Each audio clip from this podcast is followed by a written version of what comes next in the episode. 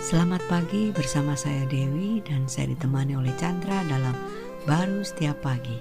Kejadian 22 ayat 2. Firmannya, ambillah anakmu yang tunggal itu yang engkau kasihi, yakni Ishak.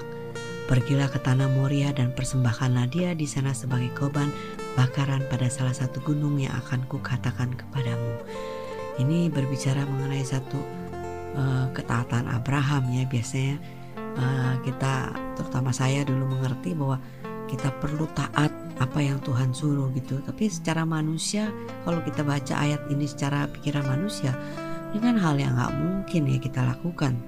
Untuk apa uh, memberikan anaknya terus mengorbankan membunuh kayak gitu kan ya. Tapi kalau saya ngelihat di sini Abraham itu tahu persis kasih Bapak di surga ya sehingga dia tidak pernah berpikir eh, hal-hal uh, yang membuat dia itu resah atau tidak percaya sehingga tidak taat tapi justru dia mempercayai akan kasih Bapa di surga sehingga dia uh, taat aja untuk melakukannya gitu nggak? Iya kalau kita lihat di sini ya permintaan Tuhan ini uh, luar biasa ya melampaui batas umumnya manusia bisa lakukan, lakukan kan.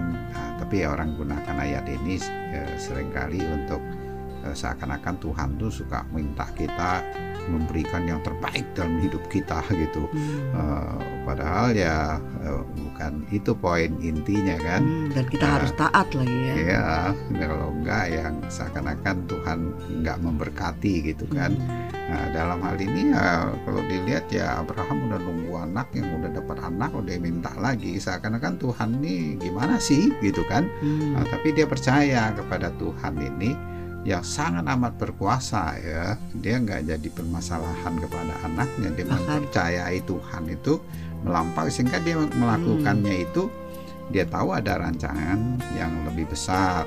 Dan kalau kita tahu ya lihat di sini kan Tuhan sebenarnya uh, memberikan satu gambaran. Hmm.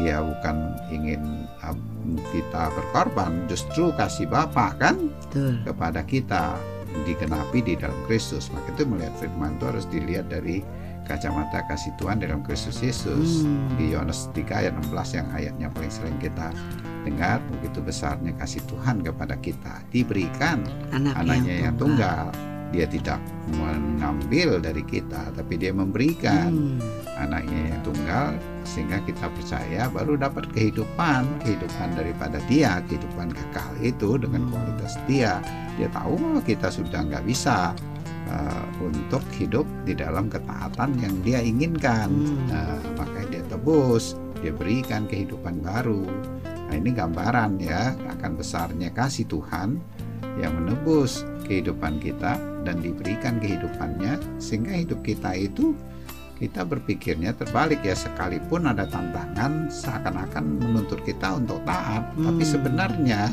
percaya kepada dia kita nggak bisa nggak taat karena kehidupan wow. yang ada di dalam dia amin amin